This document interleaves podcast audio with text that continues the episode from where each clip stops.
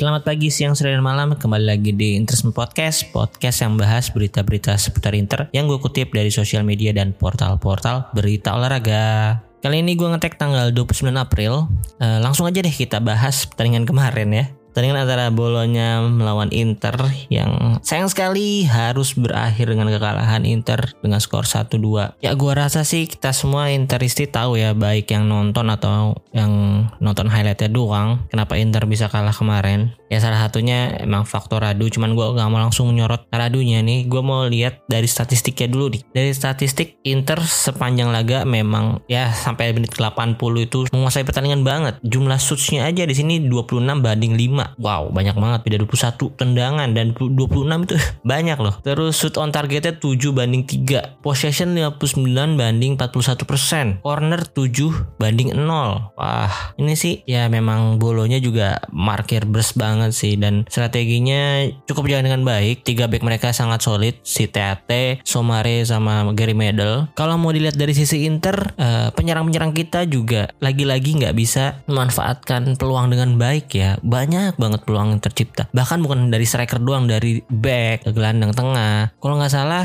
Di Marco di sini yang dengan jumlah shoot terbanyaknya ya. Gue ingat ada beberapa yang mengancam. Salah satunya yang eh, dia tendang di babak pertama, terus bisa di rebound oleh Lautaro Martinez, tapi sayang banget tendangannya melambung tinggi si Lautaro Martinez. Overall sih sebenarnya nggak buruk-buruk amat ya, banyak peluang, cuman yang nggak bisa mengkonversinya jadi gol aja. Di sisi korupsinya juga main cukup bagus, beberapa peluang emas mampu dia gagalkan, walaupun memang tendangannya itu nggak mengarah-ngarah ke pojok banget sih, kebanyakan mengarah ke tengah lah ya. Sundulan Dumfries juga sayang sekali masih melambung di atas gawang. Justru tendangan Perisic di menit ketiga yang dari sudut sempit dan nggak nggak nyangka juga Skorupski Perisic bakal tendang dari sudut seperti itu malah jadi gol ya. Yang dari peluang-peluang lebih matang lebih emas lagi malah nggak jadi gol. Nah, ketika Perisic cetak gol juga perasaan gue udah nggak enak ya karena di beberapa pertandingan bahkan cuma satu pertandingan doang yang kalau misalnya Perisic golin pertama itu Inter masih bisa menang itu di pertandingan lawan Salernitana kemarin waktu away. Di sisa pertandingan lainnya lawan Milan, lawan Lazio, Perisic golin pertama Inter kalah gitu. Makanya udah merasa nggak enak tuh ya kejadian beneran terjadi lagi. Ya ini sih cocok logi cocok logi aja ya nggak usah diambil serius. Terus walaupun kemarin di Marco bermain cukup bagus dengan banyak peluang yang diciptakan dari tendangannya dia sendiri dan dari crossing-crossing dia juga. Di sini gue lihat markingnya jelek banget di posisi-posisi bola-bola atas atau bola-bola crossing ya di Marco harus lebih banyak berbenah lagi. Sayang sekali kemarin Bastoni dan Handanovic juga nggak bisa main ya karena di detik-detik terakhir dan beberapa jam terakhir dinyatakan kurang fit. Eh, kalau Bastoni eh, kelelahan otot, si Handanovic pinggangnya atau perutnya gitu yang bermasalah. Punggung, punggung sorry, bukan pinggang. Eh gol pertama ya menurut gua ada kesalahan di Marco juga karena nggak memarking Arnautovic dengan baik walaupun di situ juga ada De Vrij. Dia ya melepaskan dari postur badan aja emang udah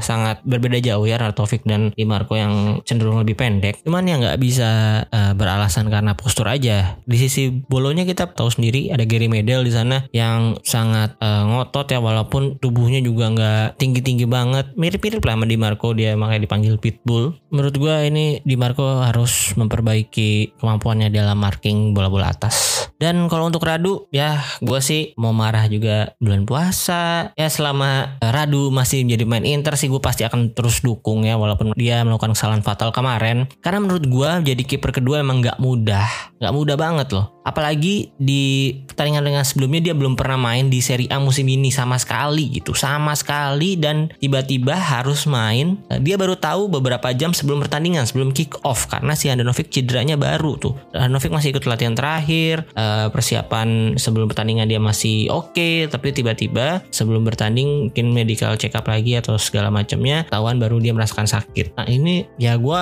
antara maklum dan memang ini juga sih. Sebenarnya bingung jadi mau maklum atau nggak bisa maklum juga karena dia namanya juga pemain profesional, udah bermain bola dari kecil dari in- di Inter udah dari Primavera, Eh, harusnya dia bisa mengatasi dan udah belajar mengatasi tekanan-tekanan dari dulu gitu. Tahu bermain di tim sebesar Inter yang tekanannya pasti tinggi dari media, dari fans itu sendiri. Harusnya dia udah bisa menyesuaikan diri dari dulu. Cuman ya namanya udah ya udah kejadian ya kejadian aja lah gitu kita aminin aja maksudnya ya udah kita ambil hikmahnya aja lah ya.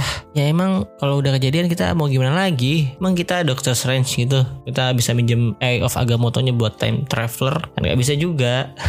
Ya mungkin memang udah jalannya Inter untuk merebut Scudetto tahun ini yang seperti ini yang agak terjal dibandingkan musim kemarin yang di Giornata 33 atau 34 kita udah bisa dapat gelar juaranya ya udah mengunci gelar gitu. Tapi yang jelas kalau statement dari gua gua sih maklumi si Yono Tradu melakukan kesalahan fatal tersebut di mana ya pasti tekanannya besar juga. Musim selama sepanjang musim ini 33 pertandingan gak pernah main di Serie A sekalinya disuruh main di pertandingan penting lawan Bologna kemarin walaupun Bologna juga posisinya saat ini nggak bagus-bagus amat nggak ada di top 10 bahkan. Cuman melawan tim-tim besar kayak Juventus Milan dia juga bisa mencuri poin. Sayang sekali makanya. Dan semoga aja mentalnya Ionut Radu nggak makin down lagi. Gue harap di sana ada para senior seperti Handanovic, Korda, Sanucia dan D'Ambrosio uh, teman semua teman-teman di Inter yang terutama yang udah berumur ya yang udah tua-tua gitu kayak ya yang gue sebutin tadi bisa menghibur dan uh, menaikkan moralnya lagi gitu. Ya udahlah kalau tambah lu jelek-jelekin lu marah-marahin itu dia makin down lagi. Malah khawatir karirnya bakalan terus menurun dan nggak nggak main lagi. Itu jangan sampai lah ya. Kalau dari beberapa cuplikan yang beredar di internet seperti Twitter atau Instagram kan kita udah lihat ketika Radu jalan menuju lorong di sana ada beberapa temannya yang menghampiri kayak Dumfries, Kordas, lagi di Marco yang memberikan semangat ya. Bahkan Dumfries juga menghalangi kamera agar ya udah memberikan privacy untuk Radu. Buat gue yakin banget itu dia nangis. Uh, gimana nggak nangis? Dia melakukan kesalahan yang bisa jadi membuat Inter kehilangan Scudetto-nya tahun ini. Gue yakin dia Interisti juga dari uh, Primavera udah bermain untuk Inter segala macamnya uh, di Inter. Bahkan uh, sering banget dipinjemin dan dijual akhirnya di buyback lagi. Ya, gue yakin sih emang uh, dia hatinya untuk Inter banget. Gue harap sih uh, dia bisa bounce back dan tetap nggak terlalu mendudukan kepala lebih lama lagi langsung semangat lagi introspeksi diri belajar merubah apa yang masih kurang dari dirinya dia harus tahu itu apa aja.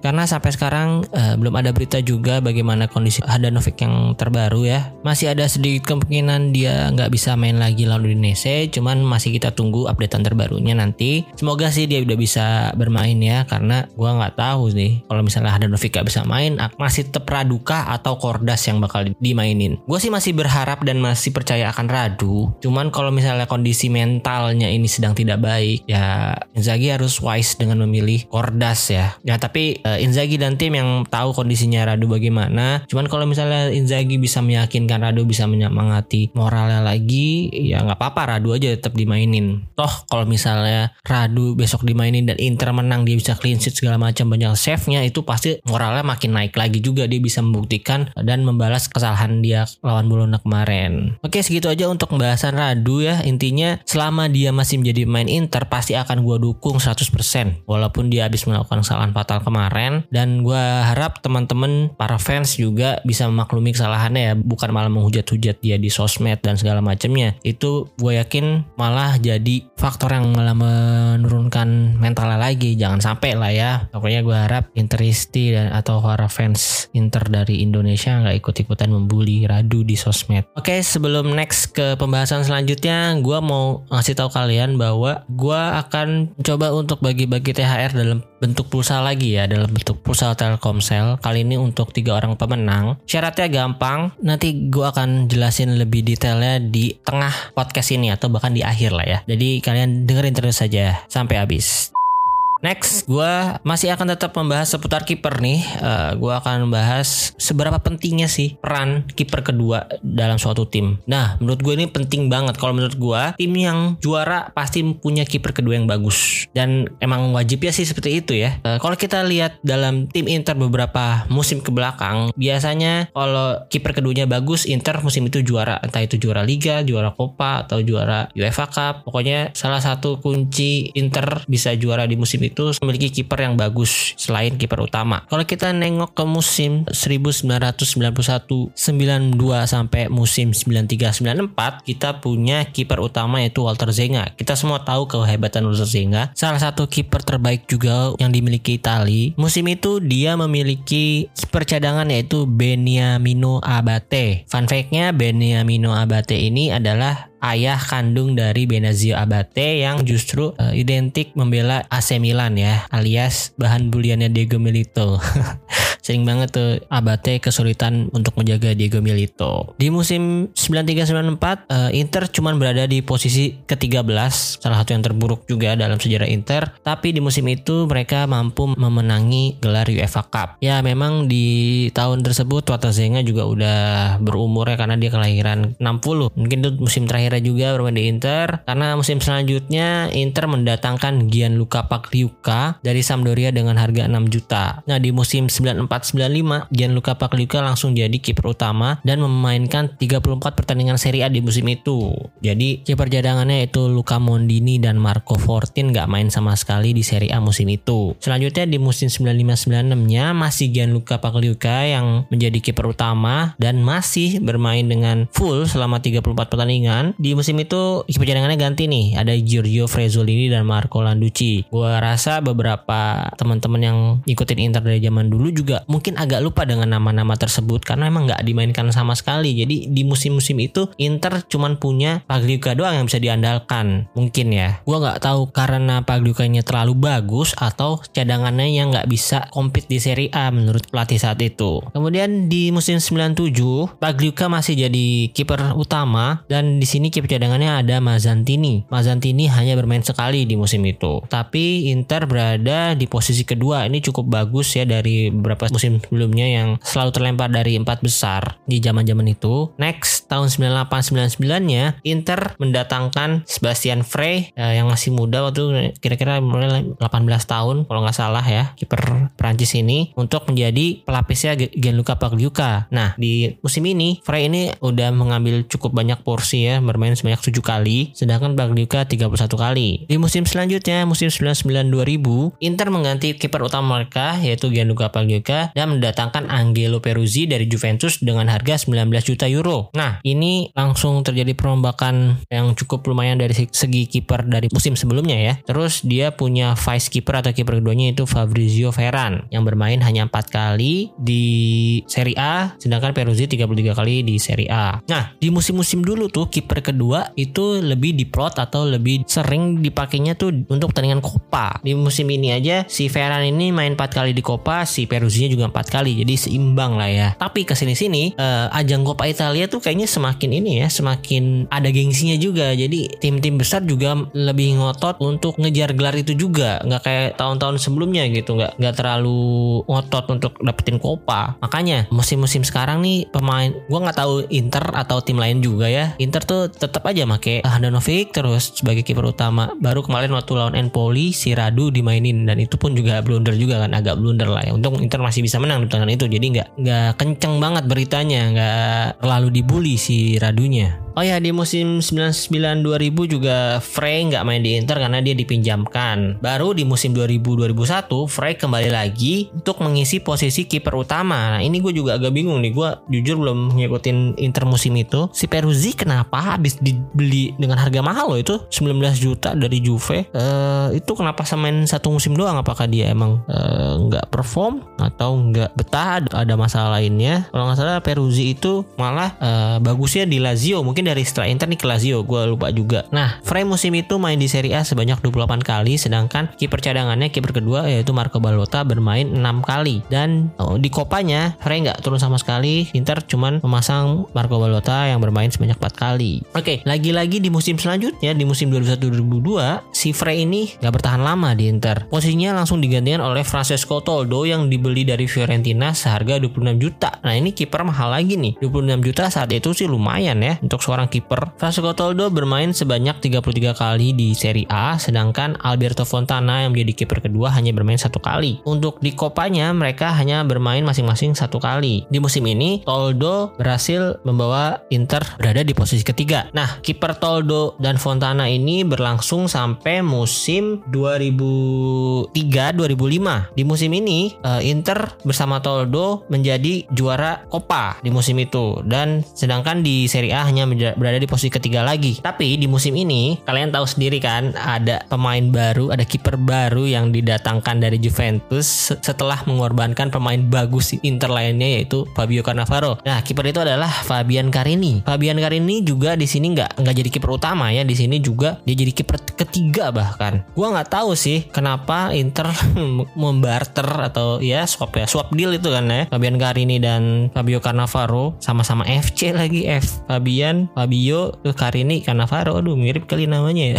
Gara-gara mirip kali namanya ya. nah mungkin salah satunya karena di musim ini pertandingan Serie A udah 38 ya udah dengan 20 tim ya. Toldo sendiri bermain di Serie A sebanyak 30 kali Alberto Fontana ini 5 kali sedangkan Fabio Carini hanya 4 kali. Untuk di Copa Fabian Carini memang lebih diandalkan daripada Toldo dan Fontana. Dia bermain sebanyak 4 kali sedangkan Toldo dua kali Fontana juga dua kali. Nah mungkin salah satu Inter bisa dapat juara lagi karena Karini juga sih dan di musim selanjutnya musim 2005-2006 ini salah satu musim terbaik juga ya karena Inter berhasil me menyabet gelar tripletino ya atau apa tuh ya gue lupa deh sebutannya untuk tiga gelar domestik ini yaitu juara Serie A, juara Coppa dan juara Super Coppa. Nah ini Inzaghi bisa mengulanginya kembali musim ini masih ada peluang lah ya. Kemarin Super Coppa udah juara, terus di Coppa masih ketemu Juve nanti di final dan di Serie A masih berpeluang untuk uh, mendapatkan Scudetto. Di musim ini kiper utamanya udah ganti lagi nih. Kiper utamanya adalah Julio Cesar yang dibeli di musim sebelumnya di musim 2004-2005 dari Flamengo dengan harga 2 jutaan, 2,45 juta di sini kalau di Wikipedia ditulisnya. Eh, si Julio Cesar ini dipinjemin dulu, pinjemin langsung setelah dibeli di winter itu ke Chievo. Ya gue ngerti sih karena di Inter musim sebelumnya juga udah punya tiga kiper kan ya tiga kiper ini juga kepake masing-masing Toldo, Fontana dan Carini. Cuman di Chievo Verona itu dia nggak main. Gue lihat statistiknya di Wikipedia si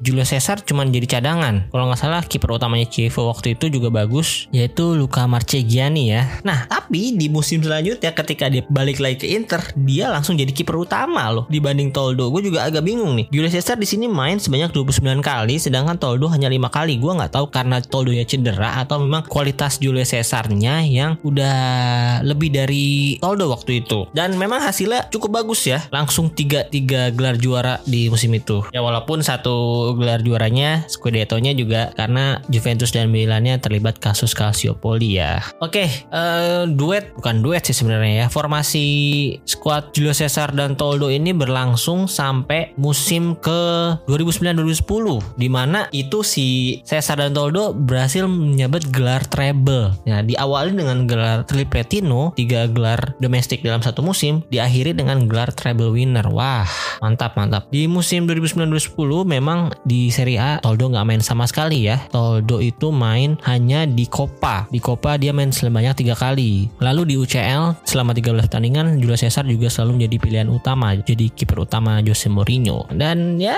terbukti kan kalau kipernya eh, maksudnya Inter memiliki dua kiper dengan kualitas yang nggak jauh beda, Inter bisa juara tuh dari musim 2004 2005 lah ya di mana dia udah ada Toldo sama Fontana terus Carini berarti kan itu punya kiper yang masing-masing bisa main gitu ketika ada satu yang cedera atau kiper utama cedera. Terus di 2025 2026 kipernya Toldo Julius Caesar itu Toldo bagus banget musim itu menurut gua. Jadi andalan Inter banget itu di sisi penjaga gawang. Tapi Inter mendatangkan pemain yang nggak kalah bagus sih dari Toldo itu Julius Caesar sampai 2010 terbukti Inter bisa menyabet gelarnya tersebut gitu. Walaupun memang lebih mengenalkan Julio Cesar ya karena Toldo juga setelah musim itu dia pensiun. Umurnya udah berapa ya? Gue lupa udah hampir 40-an juga. Next di musim ke 2010-2011 nya uh, Inter udah mulai nggak juara Serie A lagi nih setelah uh, streak beberapa kali kan. Nah di sini Julio Cesar memiliki vice keeper yaitu Luca Castellazzi yang bermain sebanyak 15 kali musim itu sedangkan Cesar 25 kali. Nah memang di sini uh, kayaknya Cesar udah agak cedera-cederaan ya. Terus di musim selanjutnya masih dengan duet Julio Cesar Castellazzi cuman Cesar di sini main tiga kali Castellazzi tujuh kali. Uh, mereka hanya berhasil finish di posisi keenam. Ini udah penurunan yang drastis ya dari sebelumnya juara treble terus cuman peringkat kedua tapi masih juara Copa terus musim selanjutnya hanya peringkat 6 nah musim selanjutnya 2012-2013 Inter sudah mendatangkan si Handanovic ini yang masih jadi kiper utama kita sampai sekarang. Sedangkan Julio Cesar ini kalau nggak salah uh, memilih untuk memutuskan kontraknya dan pergi lagi ke KPR. Di musim pertama Handanovic dia masih vice keeper masih Castellazzi ya yang hanya bermain dua kali musim itu sedangkan Handanovic 30 kali dan ada satu kiper lagi yaitu uh, Juan Pablo Carrizo yang bermain cuma satu kali. Nah, musim selanjutnya Castellazzi cabut dari Inter yaitu musim 2013-2014 Carrizo naik jadi uh, vice-nya Handanovic. Eh sorry sorry di musim itu Castellazzi masih ada cuman Castellazzi nggak main sama sekali yang udah jadi vice-nya Handanovic langsung Carrizo. Jadi ganti gantian tuh kiper kedua kiper ketiganya Handanovic musim itu main 36 kali Carrizo main 4 kali dan berhasil finish di posisi kelima. Handanovic Carrizo itu berlangsung lama ya kiper uh, kita punya kiper utama Handanovic dan Carrizo berlangsung sampai musim 2016-2017 karena emang Handanovic itu nggak tergantikan ya menurut gue di musim itu dia main terus lagi pick-picknya ya walaupun Inter berada di hmm, banter era penyerangnya nggak bagus backnya nggak bagus cuman kiper yang bagus menurut gue musim itu nah uh, di musim 2016-2017 Carrizo cuma main sekali di musim terakhirnya bersama Inter sedangkan Handanovic 37 kali setelah itu posisi Carrizo digantikan oleh Daniel Padelli di musim 2017-2018. Inter musim itu berhasil finish di posisi keempat. Handanovic bermain sepanjang musim sebanyak 38 kali. Padelli 0 kali kalau di Serie A. Sedangkan kalau di Coppa Padelli main sekali. Sedangkan di musim terakhirnya Padelli bersama Inter, Inter uh, berhasil finish di posisi kedua ya waktu itu ya hanya beda satu poin di Juventus dan itu agak nyesek juga sih karena Juventus yang di akhir-akhir laganya dia kalah-kalah mulu gitu. Jadi ujung-ujungnya beda satu poin doang. Nah, di situ Padelli bermain sebanyak tiga kali sepanjang musim tersebut. Handanovic bermain 35 kali, sedangkan untuk di Copa Handanovic 3 kali, Padelli sekali. Nah, di musim kemarin, musim 2021-2022, Radu yang tadinya jadi kiper ketiga, dia naik jadi kiper kedua. Di musim ini, Handanovic bermain 37 kali, Radu 2 kali. Kalau di Copa, Handanovic main 4 kali, Radu nggak main sama sekali. Nah, di ini sekarang-sekarang makanya nih, gua rasa sih untuk pertandingan Copa ya, Handanovic tuh harusnya nggak terlalu sering dimainin gitu, apalagi untuk di fase-fase awal gitu. Harusnya mainin kiper kedua. Dan untuk musim terakhir itu musim sekarang nih yang masih berlangsung sebanyak 34 laga Serie A-nya ya. Handanovic udah bermain 33 kali, sedangkan Radu bermain satu kali doang kemarin lawan Bologna dan langsung bulan 2 gol melakukan kesalahan fatal yang mungkin akan diingat beberapa Interisti selama 10 atau 20 tahun ke depan ya sama kayak kasusnya Gresco lah ya. Itu Gresco masih ya sering diceletuk-celetukin kalau ada yang uh, melakukan. Jadi sekali lagi kalau menurut gua sih tim yang mau juara atau tim yang emang udah juara musim itu udah terbukti pasti memiliki kiper yang sama baiknya. Ya nggak sama baiknya juga sih ya. Perbandingan kualitasnya beda-beda tipis lah ya antara kiper pertama dan kiper kedua. Karena kiper kedua itu memang perannya sebenarnya penting banget. Cuman nggak banyak yang ngerasa gitu. Kiper kedua itu emang harus siap dimainkan ketika kiper satu nggak bisa main. Entah itu karena akumulasi karena cedera dan dia mainnya tuh kadang-kadang nggak bisa diprediksi beda sama pemain outfielder ya pemain back gelandang penyerang itu kayaknya sebelum pertandingan pun pasti coaching staff udah ngasih instruksi ya nanti lu kemungkinan main gitu. Atau nanti di pertandingan pun dia udah disuruh pemanasan dari menit kesekian gitu. Jadi dia udah siap gitu masuk ketika dia emang dipilih untuk menggantikan pemain starting eleven ya, dia secara mental, secara fisik itu udah siap. Nah, cuman kiper kedua ini apalagi kalau di pasti pertandingan kan, tiba-tiba kiper kartu merah. Nah, dia belum disuruh uh, pemanasan gitu tiba-tiba udah langsung main gitu,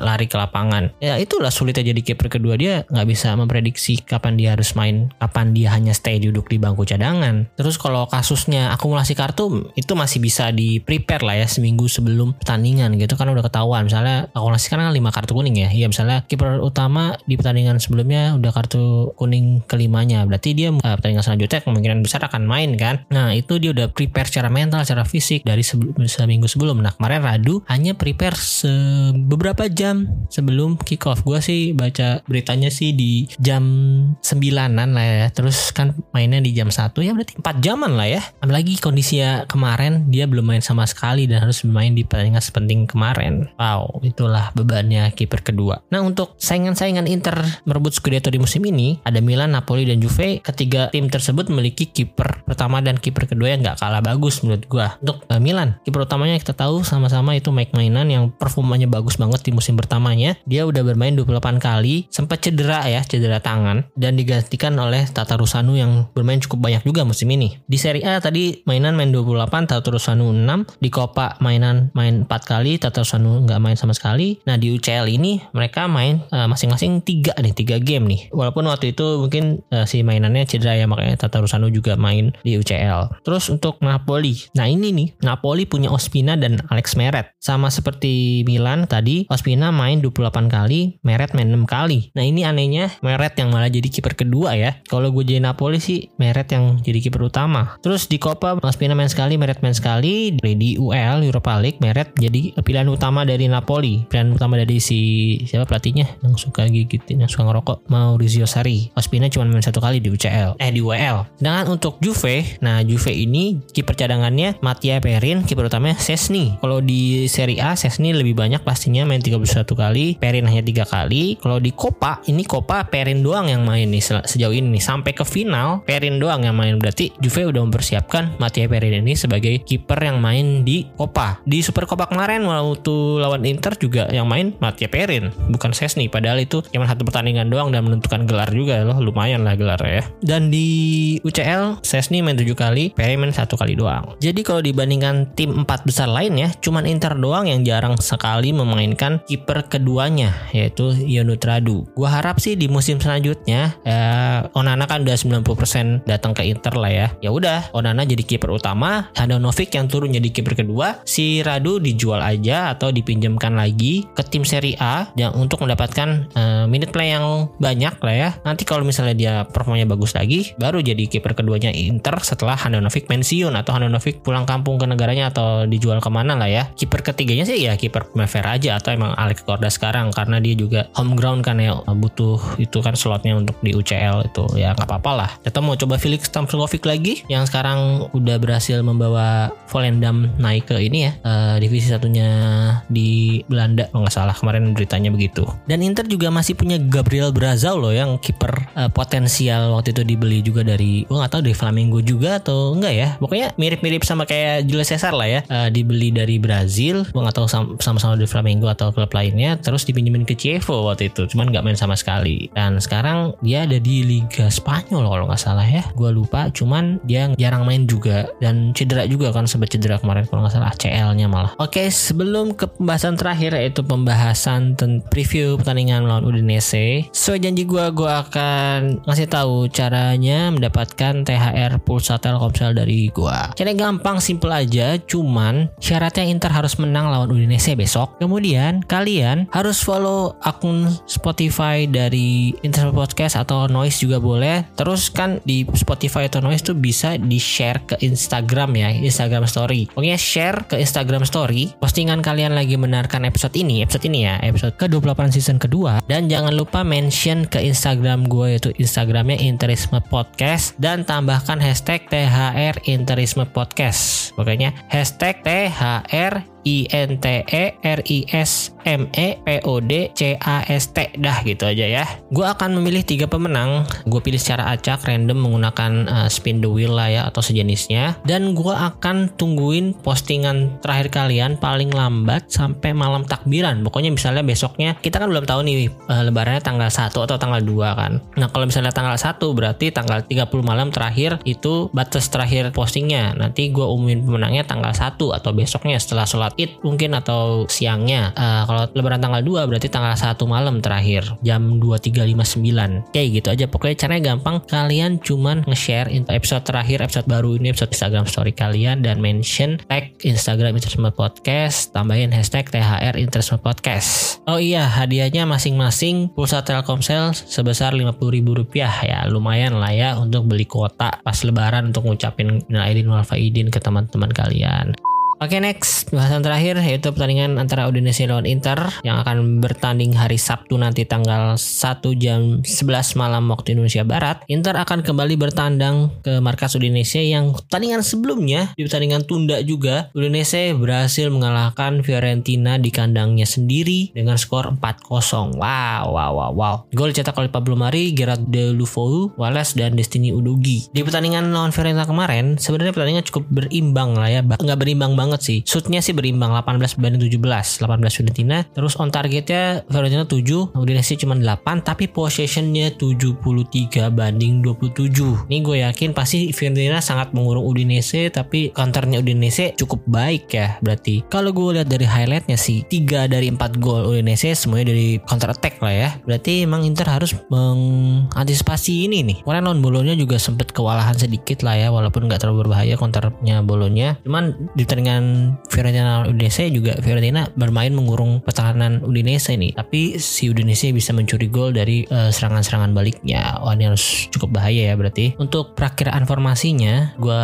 ambil dari Gazeta.it seperti biasa yang bermain kalau di Inter Handanovic kemungkinan akan bermain kembali. Terus tapi Bastoni masih mengalami sedikit cedera maka posisinya digantikan oleh D'Ambrosio. Tapi Ambrosio main di posisi Skriniar Skriniar main di posisi Bastoni dan tengahnya tetap De Vrij kanannya tetap Dumfries kirinya tetap Perisic karena Gosens juga masih diragukan tampil dia masih mengalami aduktor ya kalau nggak salah. Cedera yang kemarin cedera aduktor tengahnya karena Calhanoglu uh, absen akumulasi tengahnya diisi Barella Brozovic dan Vidal yang gue nggak tahu nih Vidal ini kan kemarin masih cedera ankle juga sekarang udah sembuh kali ya. Untuk depannya lagi-lagi duet Lautaro dan Zeko. Gue ngerti kemarin duet Korea dan Lautaro sebenarnya bagus banyak peluang yang tercipta juga cuman ya emang nggak klinis sekali ya. Mungkin dibutuhkan Zeko untuk menjadi target utamanya dengan besok. Tandingan sebelumnya lawan Indonesia kalau nggak salah si Korea juga cetak gol kan cetak gol 2 itu juga dia main dari menit pertama ya harusnya sih kalau gue nggak salah inget untuk di Udinese kiper mereka yaitu uh, si Mattia Silvestri yang sebelumnya main di Hellas Verona musim lalu. Sekarang rambutnya lagi di dreadlock nih biar nggak mirip Kanindra Bimo lagi katanya. Rambutnya lagi digaya-gayain dreadlock terus mereka bermain dengan formasi 352 juga. Backnya ada Bekau Pablo Mari dan Perez. Wing backnya ada Molina sama Udogi. Tengahnya ada Arsan Wallace sama Pereira. Depannya ada Lufeu sama Sukses. Nah striker utama mereka juga si Beto ini lagi cedera yang diragukan untuk tampil. Dari squad ini di atas kertas memang uh, Inter pasti diunggulkan lah ya. Apalagi posisi Udinese juga saat ini di posisi 12 selisih poin dari zona degradasi cukup jauh 25 jadi nggak menentukan juga empat pertandingan Udinese nextnya karena masih jauh untuk ke zona Eropa yaitu di 56 56 poin ada Lazio. Di zona degradasi juga masih jauh. Tapi kalau dilihat performanya kemarin lawan Fiorentina ini cukup waspada lah ya. Inter akan sedikit kesulitan menurut gue cuman sih gue yakin masih bisa menang dengan skor 0-2 atau 0-3 lah ya. Ini kayaknya Inter harus bangkit nih. Bisa langsung bangkit sih. Feeling feeling gue sih walaupun Indonesia juga nggak bisa diremehkan gitu. Fiorentina aja yang kemarin lagi bagus-bagusnya musim ini bisa mereka kalahin. Fiorentina tuh sekarang ada di posisi 7 loh. Oh ini sama kayak Lazio di atas Atalanta bahkan. Nah justru Fiorentina nih yang akan jadi lawannya Milan besok nih di Giornata 35 dia juga pasti akan lebih ngotot mainnya. Harusnya sih ya harusnya di atas kertas pertandingan Milan lawan. Fiorentina akan lebih ketat dibandingkan Udinese lawan Inter.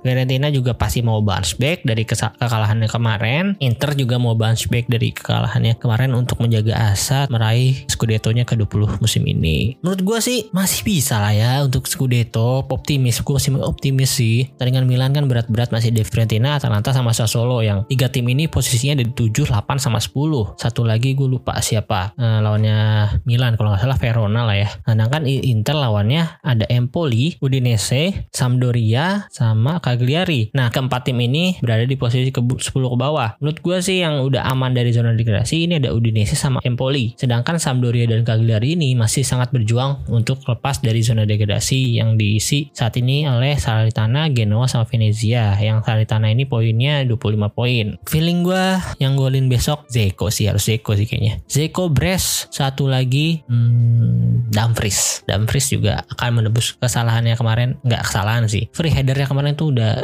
90% gol sih harusnya. Cuman kayaknya pertandingan besok dia akan membayar kesalahannya lagi. Atau bahkan D'Ambrosio bisa ngegolin sih di pertandingan besok. Feeling feeling gue sih. Satu gol dari back lah itu wing back atau back lah ya. 3-0 menurut gue semoga aja benar. Inter bisa melewati hadangan Indonesia dengan baik besok. Dan jangan sampai bolonya ini jadi penyesalan terbesar kita lagi ya. Ini gue baca tweetnya Inter Club Indo. Nah dia ngingetin kalau bolonya ini kerap kali jadi pengganjal Inter merebut gelar Scudetto ya. Di tahun 2002 Inter juga kalah dari bolonya dengan skor yang sama 2-1 golnya dicetak oleh Zauli terus 2020 kemarin yang dipegang Conte musim pertamanya Inter cuma berada di posisi kedua di pertandingan away kalau nggak salah. Eh home itu home. Udah unggul 1-0 terus dapat penalti. Ujung-ujungnya comeback sama uh, Musa Juara dan Musa Baro yang uh, merepotkan Inter kala itu. Musa Juara terus pertandingan selanjutnya nggak main lagi tuh. Musim selanjutnya juga nggak main lagi tuh. Cuma lawan Inter doang dia main bagus segitu ya. Dan ya di musim ini, musim 2022, Inter kembali kalah lagi dengan kondisi yang sama, unggul dulu 1-0, terus kena comeback jadi 2-1 lagi. Nah semoga musim ini Inter gak terganjal lagi, maksudnya tetap bisa meraih gelar Scudetto lagi dan bisa melupakan pertandingan lawan bulunya kemarin. Amin, amin. Oke segitu aja untuk episode kali ini. Terima kasih untuk teman-teman yang udah mendengarkan. Jangan lupa di follow akun sosial medianya. Kalau di Instagram ada Interest Podcast, kalau di Twitter ada Interest Media. Jangan lupa follow akun Spotify Interest Podcast dan nyalain loncengnya agar kalian dapat notifikasi setiap ada episode baru. Oh ya, gue juga mau mengucapkan selamat Hari Raya Idul Fitri 1443 untuk teman-teman yang merayakan. Mohon maaf lahir batin untuk kalian semua. Mohon maaf kalau ada kata-kata atau informasi yang kurang tepat yang gue sampaikan. Semoga episode selanjutnya akan lebih baik lagi dari episode-episode sebelumnya. Amin. Selamat liburan ya kalian semua dan hati-hati di jalan untuk teman-teman yang mudik tahun ini. Sekali lagi terima kasih. Arif Forza Inter.